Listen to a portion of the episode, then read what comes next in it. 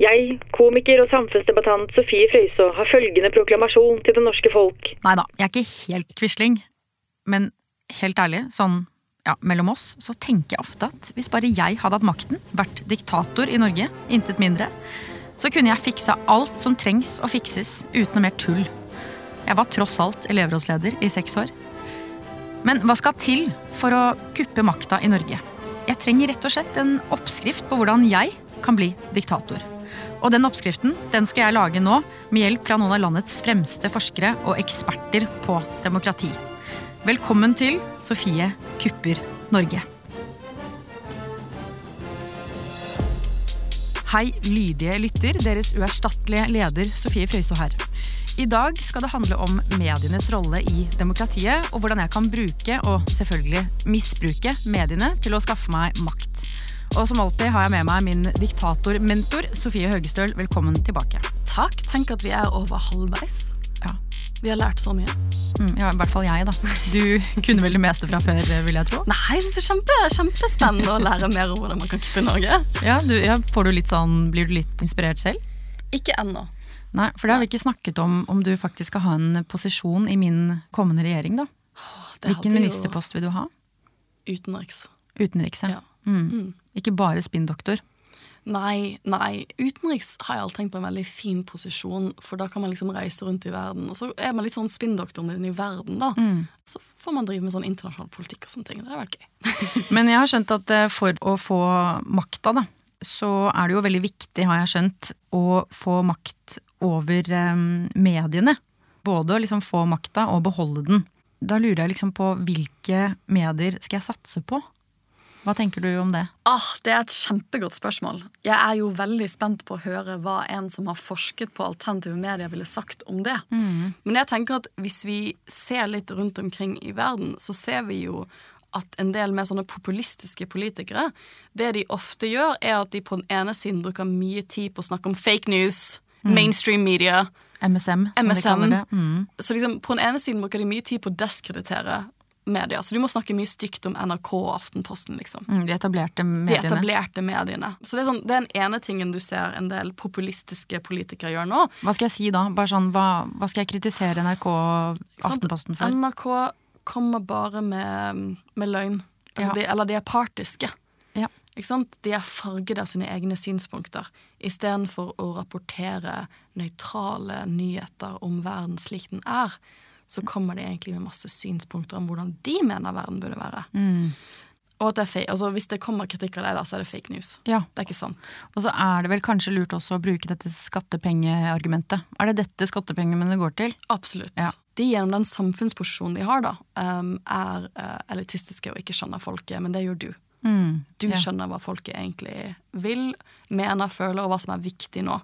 Så det er sånn, På den ene siden så er det å bruke tid på å snakke stygt om disse større medieaktørene i Norge. Etablerte medieaktørene. Og på den andre siden så kan, vi gjøre, så kan du da samtidig gjøre litt det en del populistiske politikere har gjort siste årene, som er å snakke med folket direkte gjennom sosiale medier. Mm. Kanskje den personen vi forbinder mest med dette her, da, nå snakker vi jo mye om Trump, stakkars Trump, men det, det er litt det, det, det, er jo, han, det var jo en av de tingene han virkelig gjorde i valgkampen i 2016, var at istedenfor å innynde seg med New York Times, som han ofte måtte gjøre i valgkamper i USA tidligere, sitte ned i sånne gammeldagse intervjuer med de store journalistene i New York Times og snakke ærverdig og stort og intellektuelt om ting, så sa han bare sånn fake news. Og så tweetet han direkte til folket. Han gikk liksom direkte til folket og kommuniserte, istedenfor å gå via tradisjonell presse.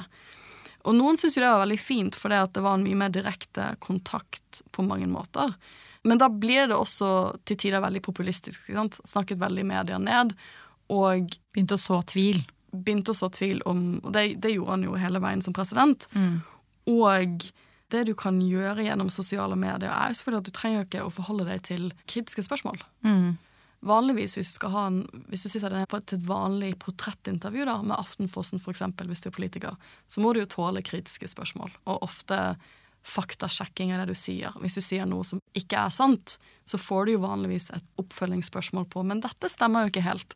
Men hvis du sier nei til alle, hvis du boikotter, la oss si NRK, og ikke stiller opp i noen av de arenaene der, så får du jo ikke Da må du ikke Da kan du bare sende ut tweets uten å måtte svare på kritiske spørsmål tilbake.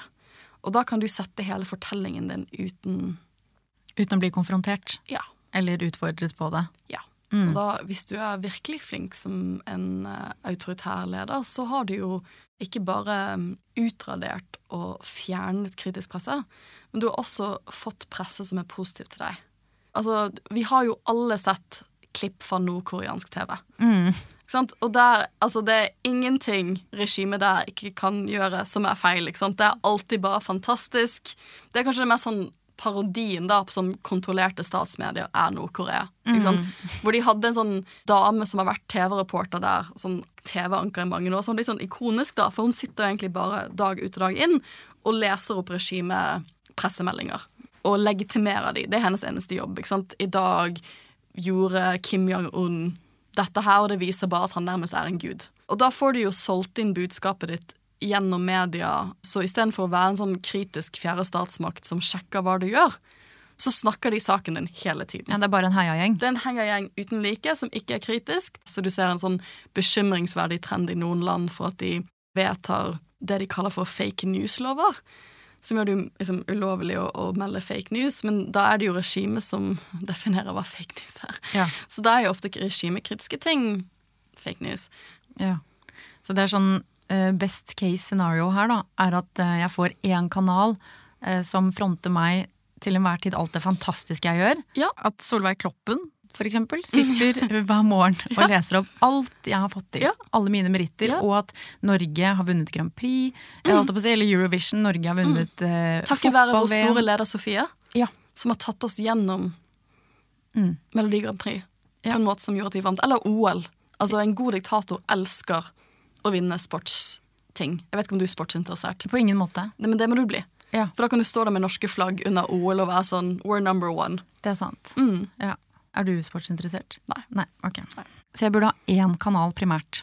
Ja, du, du har jo sett at um, det er jo gjerne det man gjør, man velger seg ut en. Og jeg tenker sånn, Kanskje hvis man allerede har gått den ruten at man har konsekvent undergravd og snakket ned disse mainstream media-aktørene i Norge, så ville man kanskje valgt seg noe litt på siden, da det kan være en, en alternativ nyhetskanal, da, hvor du stiller opp på deres programmer og gjør kanskje YouTube-intervjuer med de og sånne ting. Mm. Så du går til de først når du har større breaking news du har lyst til å få til folket. Ja, det er lurt. YouTube når jo målgruppen også. Det er jo litt det, ikke sant? Det er å, å kanskje tenke at uh, se målgruppen din så mye på Dagsrevyen om kvelden. Nei. Nei. Da er ikke Dagsrevyen plattformen din. Da er det kanskje å finne deg en YouTube-aktør som du liker, og så gjøre mye av deres programmer og bygge opp det som en sånn Det er der du slipper dine større regjeringsnyheter. Med vlogs, egentlig? Med vlogs, ja. Mm. Og igjen, da får du ikke kritiske spørsmål. Nei. Kanskje stenge kommentarfeltet òg? Mm. Eller bare moderere det? Ja. Mm. Tungt. Det er lurt. Men som vi var inne på, så skiller vi ofte mellom tradisjonelle medier og utradisjonelle eller alternative medier. Og jeg, som en fremtidig diktator, er interessert i hvordan jeg kan kontrollere mediene, så jeg unngår kritikk og misnøye, og ikke minst hvordan jeg kan bruke mediene til å vinne valget, sånn at jeg kommer i posisjon til å bli statsminister, og så diktator. Så i denne episoden skal jeg snakke med Katrine Torleifsson, som forsker på ekstremisme i alternative medier. Men aller først får jeg besøk av en som selv har fått føle på kroppen hva det vil si å være journalist i et ikke-demokratisk land, nemlig TV 2-reporter Kadafi Saman. Hjertelig velkommen hit, Kadafi. Tusen takk. Vi skal snakke om den fjerde statsmakt. Og da lurer jeg på hva du tenker om medias rolle i det norske demokratiet? Jeg tenker at det er helt avgjørende. Det å passe på makta. Det er kanskje en klisjé å si vaktbikkja, men det er en viktig funksjon, viktig rolle. Passe på alt fra politi, de små avgjørelsene i kommunestyrene, til hva statsforvalteren driver med, hva regjeringa driver med. Være den lille manns røst, eh, på en måte. Det tror jeg er helt avgjørende i alle samfunn. Og det er en viktig funksjon i demokrati for at uh, Rett og slett at folk skal holde seg litt i tømmene. Ja. Hvilke kontrollmekanismer har vi da for å sørge for at mediene ikke misbruker uh, sin egen makt? Altså, eh, De som på en måte skal passe på oss, det er jo først og fremst eh, redaktørene.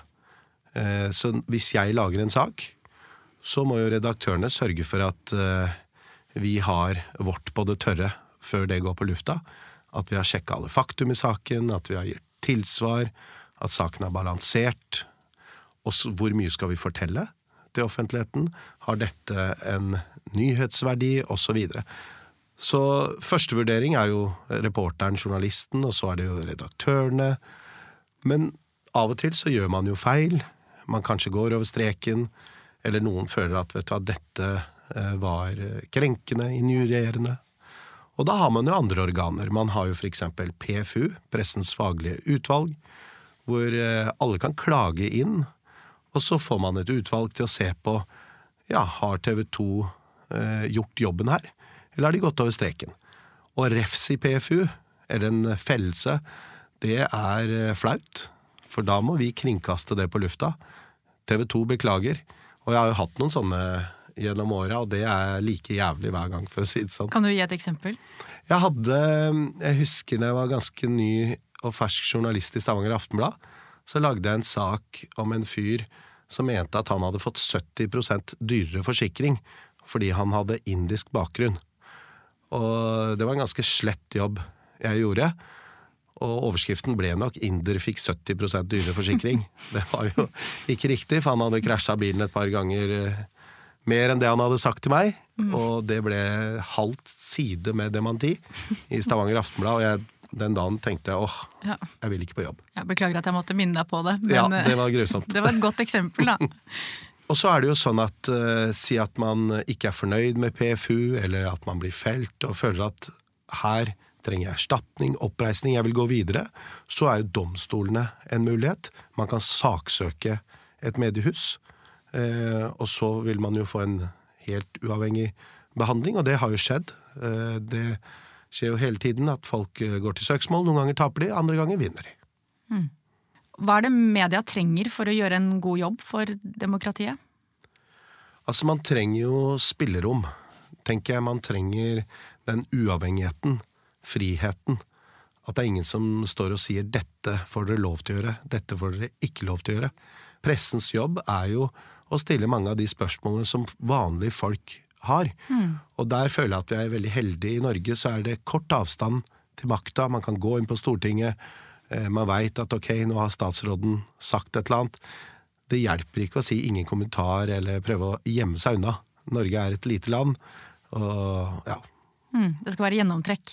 Ja, og det skal være gjennomsiktig. Mm. Jeg tror det er kjempeviktig, og jeg har jo reist litt og sett hva som skjer når uh, makta blir utilgjengelig, og det blir spekulasjoner, og det blir konspirasjoner, og det blir ikke tilsvar, ikke minst. At man får veldig ensidige historier, og det er også en veldig, veldig farlig vei å gå. Ja, Du har jo vært reporter og korrespondent i mange ikke-demokratiske land. Kan du gi noen eksempler på hvordan du som journalist ofte blir behandlet av autokratiske regimer? Ja, altså Der er det jo et stort spekter. I noen land, f.eks. sånn som i Iran, så må du ha en oppasser. Eh, en som er med deg hele tiden, som er en offisielt sett en tolk, men som man vet er myndighetenes ører og øyne. Eh, det er jo på en måte også en kontroll som gjør at du kanskje begynner med dette med selvsensur. Hvis du da er i Teheran og har lyst til å intervjue en opposisjonspolitiker, en som har gjemt seg, en som er livredd for regimet. Det å da gå dit med en slik oppasser, det mm. er jo ikke alltid så lett. Og du må begrense det? Ja, jeg føler at uh, i noen land så må man begrense det, fordi du vet at du kan jo dra tilbake til trygge Norge. Etter et par uker så er du ute av landet. Men de menneskene du har intervjua, som mm. har sagt noe kritisk om regimet og myndighetene, de kan jo virkelig få svi for det. Ja, Hva skjer med dem? Nei, folk har jo blitt torturert, folk har blitt kidnappa, folk har blitt drept. Og det er jo det man hele tiden må også veie opp, da. Altså behovet for opplyse det norske folk om forhold, men samtidig også ta hensyn til eh, de lokale kildene. Har du andre eksempler på ting du har blitt utsatt for som journalist? Ja da, jeg har eh, blitt utsatt for eh, mye rart. Jeg var jo og dekka eh, valget i Pakistan i 2018. Og da var det slik at eh, pakistanske myndigheter hadde en media-blackout. Det vil si at de hadde instruert pressen om å ikke rapportere om opposisjonspolitikere. Eh, de hadde valgt ut visse partier. De skulle ikke nevnes. Selv om det var hundretusener i gatene og hylla de partiene, så var ikke det eh, i de fleste medier. Og da ble sosiale medier en veldig viktig kilde til informasjon. Og jeg som norsk reporter med norsk pressekort, man er jo vant til at ja, dette er eh, offentlig interesse, jeg er jo her for å rapportere, og da gjør man det.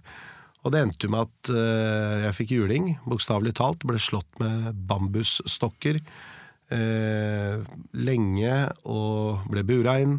Satt på cella i tre døgn før jeg slapp ut, og kom tilbake igjen til Norge. Men det jeg tenkte mest på både når jeg satt på cella, men også i ettertid, er jo de journalistene og redaktørene som ikke fulgte den instruksen om media blackout, som trossa den rapporterte. Og konsekvensene for dem var jo at noen eh, mista jobben, andre ble kidnappa, de mista plutselig annonseinntektene, eh, og folk ble trua, og altså hele statsapparatet ble på en måte deres motstandere. Og likevel så ser man jo at det er pressefolk, selv under sånne omstendigheter, som fortsetter å gjøre jobben sin. Og det er jo så utrolig imponerende. For å stille et litt sånn klassisk eh, journalistspørsmål, da. Hva følte du da? Da du ble arrestert, det ble slått. Hva foregikk inni deg da? Nei, Først og fremst er man jo ganske forbanna, det må jeg jo ærlig innrømme. Men etter hvert så skjønner man jo også hvor heldige vi er som lever i et land hvor vi kan stille de kritiske spørsmålene uten å bli banka opp, uten å bare bli arrestert på falsk grunnlag, falske anmeldelser. Så jeg har nok veldig den uh, feelingen at uh, ok, man får kanskje avslag på en innsynsbegjæring, men ting kunne jo virkelig ha vært mye, mye verre. Mm. Hvis man setter det litt sånn i perspektiv, da. Selv om du har blitt utsatt for dette, som jo er helt jævlig, eh, så fortsetter du jo. Hva er det som driver deg i yrket ditt? Hvorfor tenker du at dette er så viktig? Nei, jeg tror det er veldig viktig at norske medier har norske reportere som er der ute. Som ser ting med våre øyne, som setter det i en kontekst, så norske lesere og seere kan se hvordan det er. Vi må ut dit, stille de kritiske spørsmålene. Og det er en drive. Jeg tenker at uh, vi er heldige som bor i et land hvor mediehusene har de ressursene til å sende folk av gårde. Bo på hotell, leie biler og jobbe. Så ja, det gir jo mersmak. Mm. Har du noen triks og tips til hvordan komme seg inn i land som er kritiske til pressen? Jeg var i Jemen en gang eh, for å dekke drapet på Martine Wiik Magnussen. Noen dager etter at hun ble funnet i London. Og da var det meg og kollega Yngve, som var fotograf, som også prøvde på det å gå hver for oss. Eh, jeg har jo brunt eh, ansikt, holdt jeg på å si, svart hår, så det gikk veldig greit. Skilte meg ikke ut. Men Yngve hadde rødt hår, og oste vel fotograf, så da ble vi jo stansa. Og eh, ble tatt med til et departement, hvor de spurte hva skal dere gjøre her? Og da var det jo sånn at du må jo alltid egentlig snakke sant, men i noen land så kan du ikke det. I Jemen så var det slik at uh, faren til den drapsetterlyste, Farouk Abdelhak, han var venn med presidenten. Mm. Han var importør av Mercedes, han var importør av Coca-Cola. Selvfølgelig. Han var makteliten. Så hvis vi på flyplassen hadde sagt at jo, du, vi er her for å snakke med folk om dette brutale drapet på den norske kvinnen, så hadde de nok sendt oss ut og tilbake på første fly. Så vi eh, sa at vi var der for å lage en dokumentar om eh, norske studenter som har lyst til å lære seg arabisk. Mm. Den var litt sleip, men den funka. Så vi fikk en oppasser, Mr. Mohammed, og de sa 'welcome to Yemen'. Og vi eh, Ja. De neste dagene så besto jobben eh, stort sett å bli kvitt Mr. Mohammed. Prøve å lure han. Hvordan ble du kvitt han Mohammed, da? Nei, Mohammed ble vi kvitt ved egentlig å ligge ved svømmebassenget ja. i ganske mange timer. Ble han lei? han ble til slutt lei og sa at ok, når skal jeg komme neste dag? Og da sa jeg kan du ikke komme litt sånn ut på dagen? Vi har ikke noe stress, dette er en dokumentar, slapp av, relax. Og når han da eh, sa ja til det, så sto vi opp klokka sju og gjorde masse opptak. Og når han kom, så lå vi ved svømmebassenget. Sånn fortsatte vi, så etter en uke så sa han at uh, Mr. Zaman, no offense. I have worked with Japanese TV and German TV. But I have never met a lazy journalist like you. og da tenkte jeg ja ja, gutten min, du skulle bare ha visst hva vi har drevet med. Opplever du at det har blitt farligere eller vanskeligere å være journalist i dag? I Norge syns jeg det ikke er vanskeligere. Eh, det er klart at det apparatet som ofte departementene har, og andre, det øker i omfang. Da tenker jeg på kommunikasjonsrådgivere, spinndoktorer osv., som kanskje prøver å ta ned en sak, eller trenere en sak. Men der er det jo mekanismer man veit kanskje at sånn er det, og da man, viser man den motstanden. Skjer det oftere nå enn før? Ja, det vil jeg si. Og mye av jobben deres er jo Én ting er å informere når det trengs, men andre ganger er det jo også å prøve å skyte ned en sak, mm. for å si det sånn. Så det er en utfordring. Jeg tenkte bare Det hadde vært litt gøy å spørre om eh, fordi nå som jeg skal kuppe Norge, så er det jo egentlig gode nyheter for meg at eh, det er eh, flere spinndoktorer, og, og det kan være enda vanskeligere å drive gravejournalistikk. At jeg må bare liksom feede på det, og utnytte meg av det. ja, altså det er klart at det er jo Store ulempen er jo at Norge er et veldig lite land. Ikke sant? Så de fleste kjenner hverandre. Noen er kommunikasjonsrådgiver den ene dagen, så plutselig er de journalister. Og, så det er på en måte mange som går i en sånn loop, da. Mm. Men eh, Nei, det er kanskje en mulighet der, ja. Hvis du blir kjent med noen av dem. Mm, og bare altså, bli venn med alle journalister, kanskje, også? Ja, det tror jeg ikke er dumt. Ja. Nå har jeg deg på laget. ja, ikke sant? Ja, vi får se, da. Men tusen takk for at du kom hit, Kadafi. Veldig hyggelig. Som diktator er det viktig å ha med folk på laget, og helst frivillig.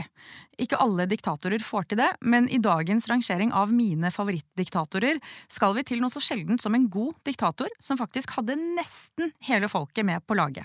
På plass nummer tre Burkina Fasos tidligere president Thomas Sankara.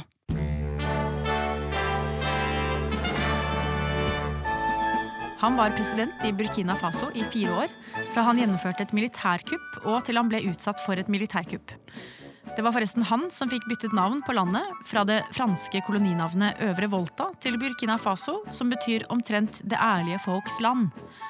Han fikk plantet ti millioner trær i landet i løpet av sine første år som president, reduserte analfabetismen og vaksinerte 2,5 millioner barn eh, mot hjernehinnebetennelse, meslinger og gulfeber. Sankara innførte også forbud mot kjønnslemlestelse, tvangsekteskap og polygami, og var den første afrikanske lederen til å ha kvinner i regjeringa og til å rekruttere kvinner i militæret. Sankara jobbet mot korrupsjon og kuttet i godene til folk som jobba for staten. Blant annet byttet han ut Mercedesene deres med den billigste bilen som ble solgt i landet, Renault 5. Noen vil nok være uenige i at Sankara var en diktator, fordi han var ganske populær blant folket og kalte revolusjonen sin for Den demokratiske og populære revolusjon. Men han gjennomførte aldri noe demokratisk valg. Sankara hadde skaffet seg mange fiender. Noe av kritikken var berettiga, som at han sparka streikende lærere og bytta dem ut med hvem som helst med en bachelorgrad og ti dager opplæring. Men han ble også motarbeidet av mektige menn som ville fortsette å være korrupte. Han var som sagt bare president i fire år, før han bokstavelig talt ble backstabba i ryggen av sin tidligere bestevenn, som så ble diktator i 27 år. For som de sier i Paradise Hotel, korrupsjon funker, folkens. Slipp den kula. Ja, Sofie. Det som bekymrer meg litt nå, det er at det virker som de fleste diktaturer er villige til å gå ganske langt for å stoppe pressen. Eh, og det kjenner jeg at jeg kvier meg for å be politiet banke opp journalister og sånn. Så du har lyst til å bli diktator, men du har ikke sånn veldig lyst til å ha tilhengere som bruker vold? Nei, det, der er jeg raus. Ja, ja. Men, eh, det er jo fint å vite som din diktatormentor. Eh, men jeg tenker sånn, hvis det er sånn type diktatur du går for, så er det kanskje bedre å få folk, eller da særlig dine tilhengere, til å ta kontroll over informasjonsspredningen. Altså få dem til å spre det du vil. Litt sånn som Trump gjorde i USA. Ja, absolutt. Jeg har nemlig fått uh, Katrine Thorleifsson til å gi meg et krasjkurs i alternative medier. Og hun er forsker ved Senteret for ekstremismeforskning ved Universitetet i Oslo, og har annet studert nasjonalisme og digitale subkulturer. Hjertelig velkommen, Katrine Thorleifsson. Takk for det. Det første jeg lurer på er Hva slags rolle spiller eh, utradisjonelle og alternative medier i det norske demokratiet? Det er jo da en eh, rekke alternative medier som har oppstått de siste ti årene. Da tenker jeg på dokument.no, på Resett, HRS osv. Og, og disse utfordrer redaksjonelle medier i Norge. Og det vil si at de ofte peker på saker som de mener er underbelyst. Men så følger de ikke nødvendigvis de samme redaksjonelle prinsippene eller etiske retningslinjene som tradisjonelle medier. Hva er forskjellen på tradisjonelle og alternative medier? Eksempel, de følger ikke Vær varsom-plakaten eller de samme presseetiske retningslinjene som eh, tradisjonelle medier gjør. Og dette gjør at de sterkeste kritikerne av alternative medier har sagt at dette kan man ikke regne som medier. Det kan være tilsvarsrett, det kan være anonymisering, eller det kan være hvilke bilder du bruker, retten til personvern, altså veldig mange saker som kan også bli tatt opp i PFU og felt i PFU altså Pressens faglige utvalg, som da disse alternative mediene ikke nødvendigvis forholder seg til. Da. Og Det er vel det som er i vår lik og del-kultur, når veldig mye deles på Facebook av nyhetsartikler, at det er ikke alle som er helt bevisst på hvilken redaksjonelle retningslinjer har akkurat dette mediet jeg leser nå. Så det krever jo enda mer av borgerne i et demokrati i dag enn for 100 år siden, hvor du kanskje hadde noen få medier. Og nå har vi så enormt mange. Og altså, propaganda kjennetegnet det er jo å prøve å få til en ensretting og påvirke følelsene til eh, massene. Altså det er veldig mye sånn følelsesladet symboler og bilder som brukes. Og så tar propagandaen ofte da utgangspunkt i et visuelt skremmebilde som er veldig effektivt da, for å mobilisere følelser og, og mobilisere følelser for den store ultranasjonen som skal eh, gjenoppstå og renses, og mot da utgruppene eller minoriteter historisk sett og nåtidig også. Da. Mm. Spiller på frykt eller spiller på splittelse eller utnytter eh, polariseringen da, på en eller annen måte? Ja, spiller på frykt, spiller på splittelse, hva som vil skje hvis vi ikke handler nå. Det, mm. og det er veldig effektive mm, følelsesregistre å spille på, spesielt i krisetider, hvor det kanskje er mange som opplever en form for ukontroll, usikkerhet, ensomhet og så har du da den store forføreren, lederen, som kommer med sin karismatiske Twitter-bevegelse. Og de kaller seg jo selv i dag, blant annet um, i USA, Michael Flynn, da, som også har spredt uh, tidligere sikkerhetsrådgiver til Donald Trump, han kaller jo disse som støtter da denne bevegelsen, QAnon, han kaller de digitale soldater. ikke sant? Det er en mm. stor bevissthet rundt hvor viktig det er å, å spre og gjøre din innsats på nettet. Være en god soldat. Være en god soldat. Kan vi få en sånn eh, QAnon-bevegelse her i Norge også? Ja, det har vi egentlig allerede fått i Norge. Det er faktisk flere QAnon-konspirasjonsteoretikere også i Norge. Så det vi ser i en sånn digital tidsalder som vi lever i, hvor vi er veldig hyperforbundet på digitale plattformer, så får du da norske brukere som sitter og også sluker disse teoriene rått. Og hva er den egentlige sannheten, ifølge QAnon-bevegelsen? Ja, det er det da. De mener jo at eh, da disse institusjonene er styrt av onde eliter. Og QAnon mener jo at dette er kannibalisme. altså Det er barneetende, onde, pedofile eliter som har en hemmelig sammensvergelse. Så det er en ganske absurd konspirasjonsteori som hadde sitt opphav i en digital subkultur. Og de mener jo at da Donald Trump er den gode frelseren som kommer for å rense det amerikanske demokratiet og etter hvert av verden for onde krefter, sånn at det nye kan gjenoppstå.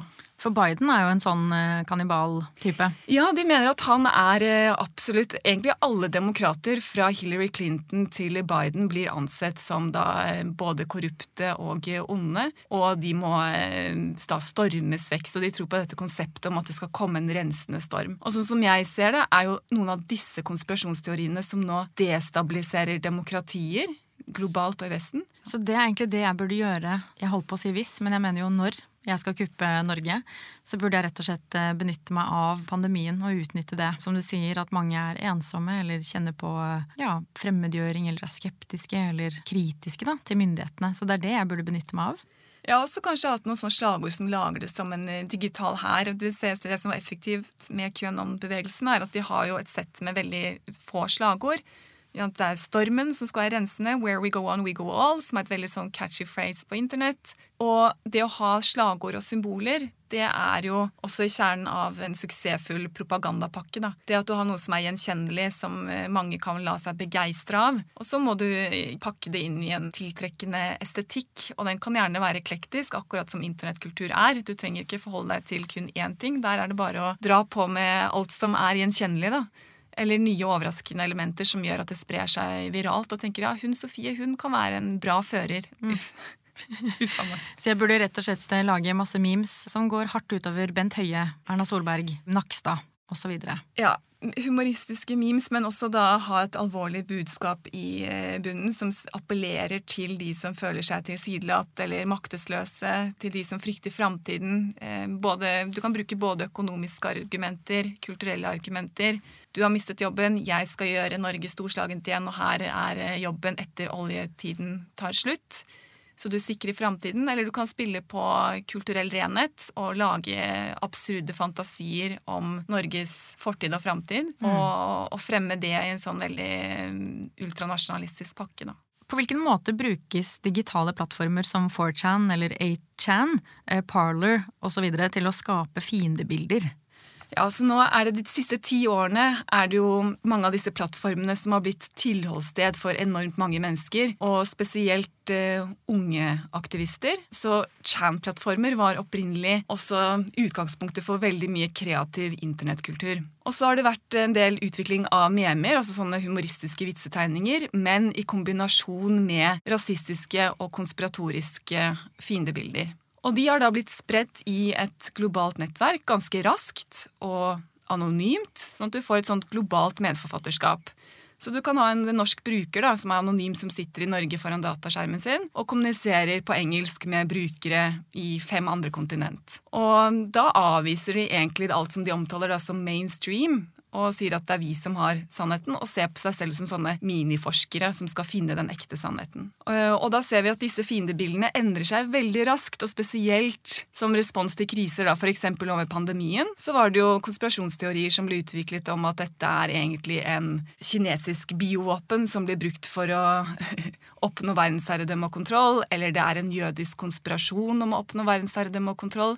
Så du ser at det er en veldig sånn rask endring i forhold til eh, kritiske hendelser. da. En ting er jo å dele sånne memes, som du nevnte, men når går det over til å bli en faktisk trussel for demokratiet? Og det er når desinformasjon, enten det er i meme-form eller GIF-form eller tekst, når den desinformasjonen blir f.eks. delt av folkevalgte. Mm. I USA er det jo flere folkevalgte i Kongressen som både tror på QAnon-konspirasjonsteorien, eller ganske ofte deler desinformasjon i sine sosiale medier-kanaler. Hmm. Har vi noen eksempler på at norske folkevalgte har delt konspirasjonsteorier? Det mest kjente eksempelet er da tidligere justisminister Sylvi Listhaug publiserte på sin Facebook-side at eh, Arbeiderpartiet mener at terroristenes sikkerhet er viktigere enn nasjonens sikkerhet, med et bilde av eh, Al Shabaab. Så det var jo bare tatt ut av kontekst, og det initierte også egentlig det at eh, Arbeiderpartiet bryr seg mer om terrorister enn Norge. Og i kjølvannet av 22. juli er jo det ganske en oppsiktsvekkende påstand, for å si det mildt. Mm. Så hun måtte jo også da faktisk gå på bakgrunn av den posten. Mm. Al Shabaab er jo en terroristgruppe. Det er en terroristgruppe i Nord-Afrika, altså i Somalia og andre land, som er helt urelatert til den saken det var eh, snakk om. Så her ser du typisk det man gjør i alternative medier eller sosiale mediekanaler, at du klipper og limer og tar en nyhetssak ut av sin opprinnelige kontekst. Da. Jeg lurer på hvorfor tiltrekkes mennesker til slike nettmiljøer? Det er fordi at det er godt å ha noe som gir orden og kontroll. Noe som gir deg en opplevelse av kontroll i en verden som erfares som veldig oversiktlig og ukontrollerbar. Og spesielt i krisetider, som vi nå på en måte er inne i med en global pandemi. Før det er økonomisk krise, så har det vært en migrasjonskrise. Så er det jo mange mennesker som opplever at sin identitet er på en måte truet av disse globaliserende kreftene. Og da er en konspirasjonsteori veldig tiltrekkende fordi den gir jo veldig enkle fiendebilder. Og den gir en opplevelse av kontroll. og den også gir deg kanskje mening og identitet, spesielt hvis den foregår i et subkulturelt miljø. Vil si at du er på en nettplattform, og så skal du lete etter disse QAnon-kodene, og du opplever at det er mange andre som gjør det samme. Så at når du sitter da foran skjermen din, så er det en opplevelse av identitet og tilhørighet. Ja, de har kanskje ikke følt så mye på tilhørighet ellers og føler seg fremmedgjort? Ja, de kan være fremmedgjort, eller de føler seg misforstått, eh, latterliggjort. Og at det kan være et overskridende rom for underholdning. Da. For det første er det jo mange som går på disse plattformene bare for å ha det morsomt. Altså får underholdning, og det er overskridende, og her er alt mulig. Og så mm. går du inn i en sånn slags eh, spillramme for tilhørighet. Og så begynner du å lese og konsumere og produsere konspirasjonsteorier. Og du føler at du er med på det, men da er du inne i et sånn slags eh, ekkokammer. Mm. Og i det ekkokammeret så kommer det ikke så mange andre motstemmer. Og da sitter du og egentlig bare får ditt eget syn bekreftet og bekreftet igjen og igjen og igjen. Og da kan du være på vei inn i en radikaliseringsprosess. Altså du avviser alt som er mainstream, alt som er rundt deg, og går veldig dypt inn i en sånn alternativ virkelighetsforståelse. Mm. Det er jo en sånn vanlig herseteknikk på internett at det er jo bare humor, det er bare kødd. Du kan nesten skrive hva du vil, men så lenge du slenger på den emojien som ler så mye at den griner, ja. så er det greit. Ja. Det jeg lurer på nå, som jeg håper at du kan hjelpe meg med Hvis det er sånn at jeg skal starte et nytt parti som på sikt har som mål å kuppe makten i Norge, hvilke kanaler burde jeg benytte meg av for å én, etablere partiet og rekruttere velgere, selvfølgelig, og to, undergrave demokratiet for å gi meg selv større spillerom? Jeg ville da begynt med en stor og etablert plattform som Facebook, hvor du daglig la inn poster lik og del, og spredte din desinformasjon eller virkelighetsoppfatning. Også på andre plattformer som er mindre modererte, ville jeg da spredt fiendebilder som retter seg mot dine meningsmotstandere og eventuelt minoriteter. Men dette er jo en grusom oppskrift jeg gir deg, for dette er en oppskrift som nettopp inneholder forakt for menneskeverd, det inneholder forakt for demokrati, så dette er jo ikke noe jeg vil råde Sofie til å gjøre. Men det er eh, en effektiv måte, har det vist seg de ti siste årene, på å destabilisere. Altså vil si rokke ved demokratiets grunnfundament. Mm. Hvis jeg skal rådgi en, en, aspirerende autokrat, da, en som mm. vil kuppe demokratiet, så ville jeg sagt at det foregår da på digitale plattformer. Jeg ville etablert en sosiale mediekanal, eller flere kanaler, hvor du veldig daglig sprer desinformasjon mot da de du mener styrer Norge feil. Og så ville jeg fremmet veldig sånn rene fiendebilder. Og så i kombinasjon også med en del spektakulære aktiviteter i offentlige rom for å tiltrekke deg mainstream medieoppmerksomhet. Mm, som for eksempel? Det kan være at du har protester som er, eh, inkluderer noen spektakulære elementer da, eh, i et offentlig rom. Og du ser jo at oppskriften jeg gir der nå, den blir faktisk brukt allerede av visse antidemokratiske mikropartier både i Norge og Norden. Mm. Og så ville jeg prøvd å få med meg unge aktivister som da kunne spredt mine ideer viralt gjennom memer og desinformasjon i sine kanaler. Og det viktigste da for en autokrat er jo å avvise det etablerte som en stor konspirasjon eller som korrupt. da. Katrine Torleifsson, tusen takk for at du var her og ga dine beste råd til hvordan jeg kan kuppe Norge. takk for det. Og håper du ikke gjennomfører det, selvfølgelig. Ok, nå har jeg lært masse. Eller jeg tror i hvert fall at jeg har lært Eh, litt om både tradisjonelle og utradisjonelle medier av Kadafi og Katrine. Så nå er det på tide å finne ut av hvor mye som har festa seg oppi nøtta, eller hva sensor Sofie Høgestøl. Absolutt. Det er klart for vårt fjerde quiz. Du får som vanlig fem spørsmål. Er du klar? Mm, ja. Hva kalles medias rolle i demokratiet? Åh, oh, Den er enkel. Mm. Det er den fjerde statsmakt. Veldig bra. Vi begynner med en softball, men nå skrur vi opp temperaturen. Spørsmål to. Hva er den viktigste forskjellen på tradisjonelle og alternative medier? Det er at eh, tradisjonelle medier har eh, redaktører og må følge en del eh, Hva skal man si? Litt andre regler, da. Eh, som f.eks. Vær varsom-plakaten og Pressens faglige utvalg. PFU. Veldig bra. Veldig bra, PFU. Spørsmål tre. Nevn en av kontrollmekanismene vi har for å passe på at ikke-tradisjonelle medier misbruker makten sin. Du har egentlig svart på det. Ja. Men ja. ja. PFU. PFU, veldig bra. Spørsmål fire. Hva menes med begrepet ekkokammer i alternative medier? Det betyr at eh, du kun får bekreftet det du allerede tror eller mener. Det er liksom gjengklang i eh, ja, kommentarfeltet eller hmm, Det er ingen som utfordrer tankesettet ditt. Du får bare bekreftet det du mener. Veldig eller bra. syns. Mm, veldig bra. Eller det, det du har drømt i natt. Jeg har drømt mye i natt. Ja. Veldig, veldig bra. Nå går vi for fem av fem her, Sofie. Er ja. du klar? Siste spørsmål. Tidligere sikkerhetsrådgiver for Trump, Michael Flynn, ga folkene i QAnon-bevegelsen en slags tittel. Hva kalte han dem? Soldiers. Ja. Altså, Digitale soldater. Ja. Mm. Oh. Fem av fem. Ja. Nå merker jeg at jeg blir litt stolt. Dette er første gangen du har greid å svare på alle fem. Ja, takk for at du gnir akkurat det inn, men det her var, dette var godt. Bestått med laud. Å, tusen takk. Hva betyr laud? Eh, laud betyr veldig bra. Der raste hele korthuset. Er sånn gammel karaktersystem. Ja, Veldig god karakter. Hvis du fikk god karakter, så fikk du laud. ok. Mm. Du er en gammel person i en ung kropp. Absolutt. Det var et kompliment. Jeg hørte at det ikke Jeg måtte tenke litt på det. Men jo, takk. Mm. laud. Ok. Nå har jeg i hvert fall fått mange gode ideer til hvordan jeg kan bruke og begrense mediene. Yes, jeg føler at mediene er noe du virkelig har eh, behersket. Fem av fem på quiz. Men hvordan skal du bruke dette her sånn konkret inn i diktatoroppskriften din? Ja, altså Særlig dette med å bruke memes og konspirasjonsteorier til å øke polariseringen i Norge. Og det har jo flere av de jeg har snakket med vært inne på.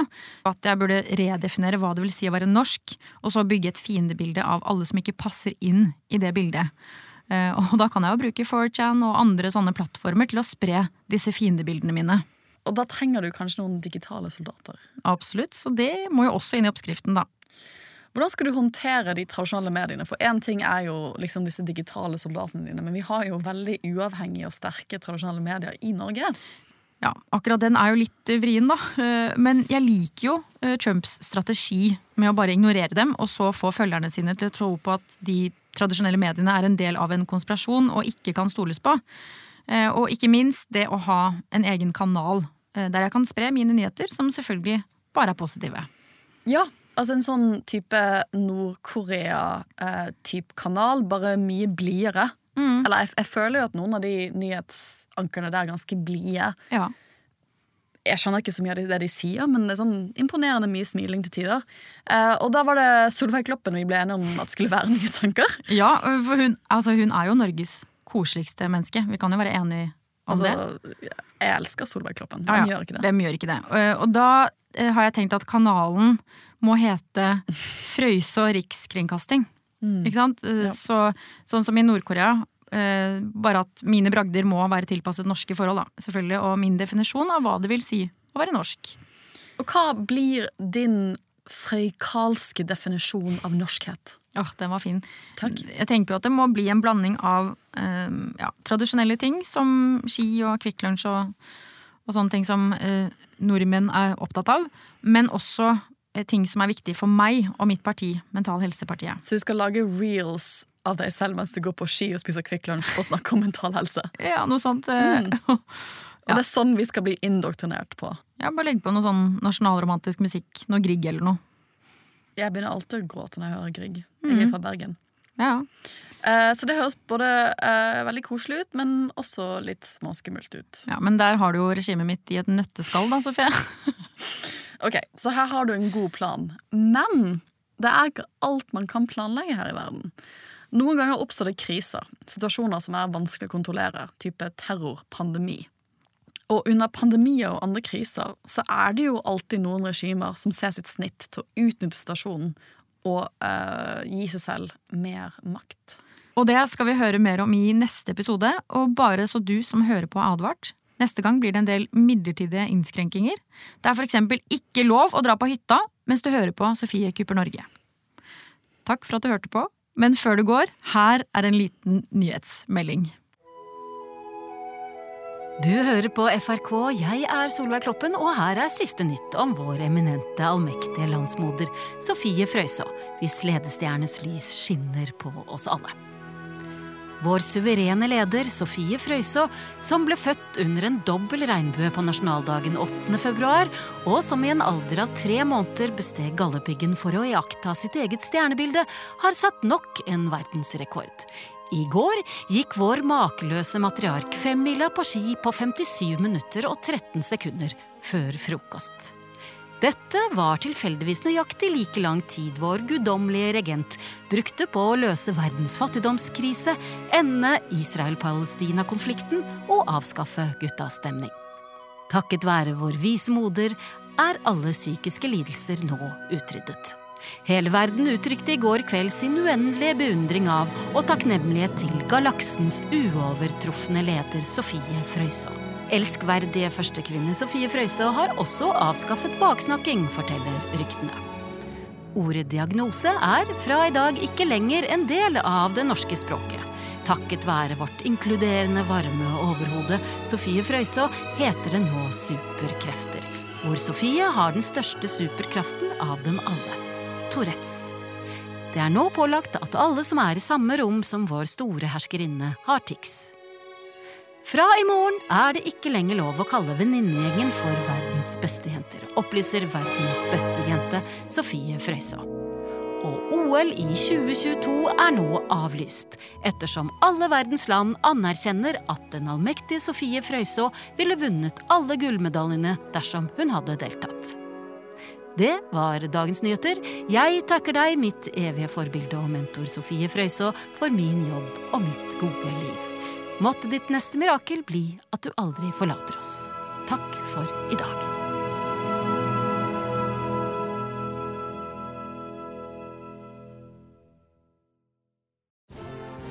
Denne podkasten fra Universitetet i Oslo er produsert av både og ved Stian Letessier. Programleder er Sofie Frøysaa, produsent Hanna Kanon Klingberg. På research Sivert Isaksen Wart. Klippere er Olav Nedberget og Joakim Sandvik. Og ansvarlig redaktør ved Universitetet i Oslo er Arild Blomkvist. Les mer på uio.no Sofie Kupper Norge.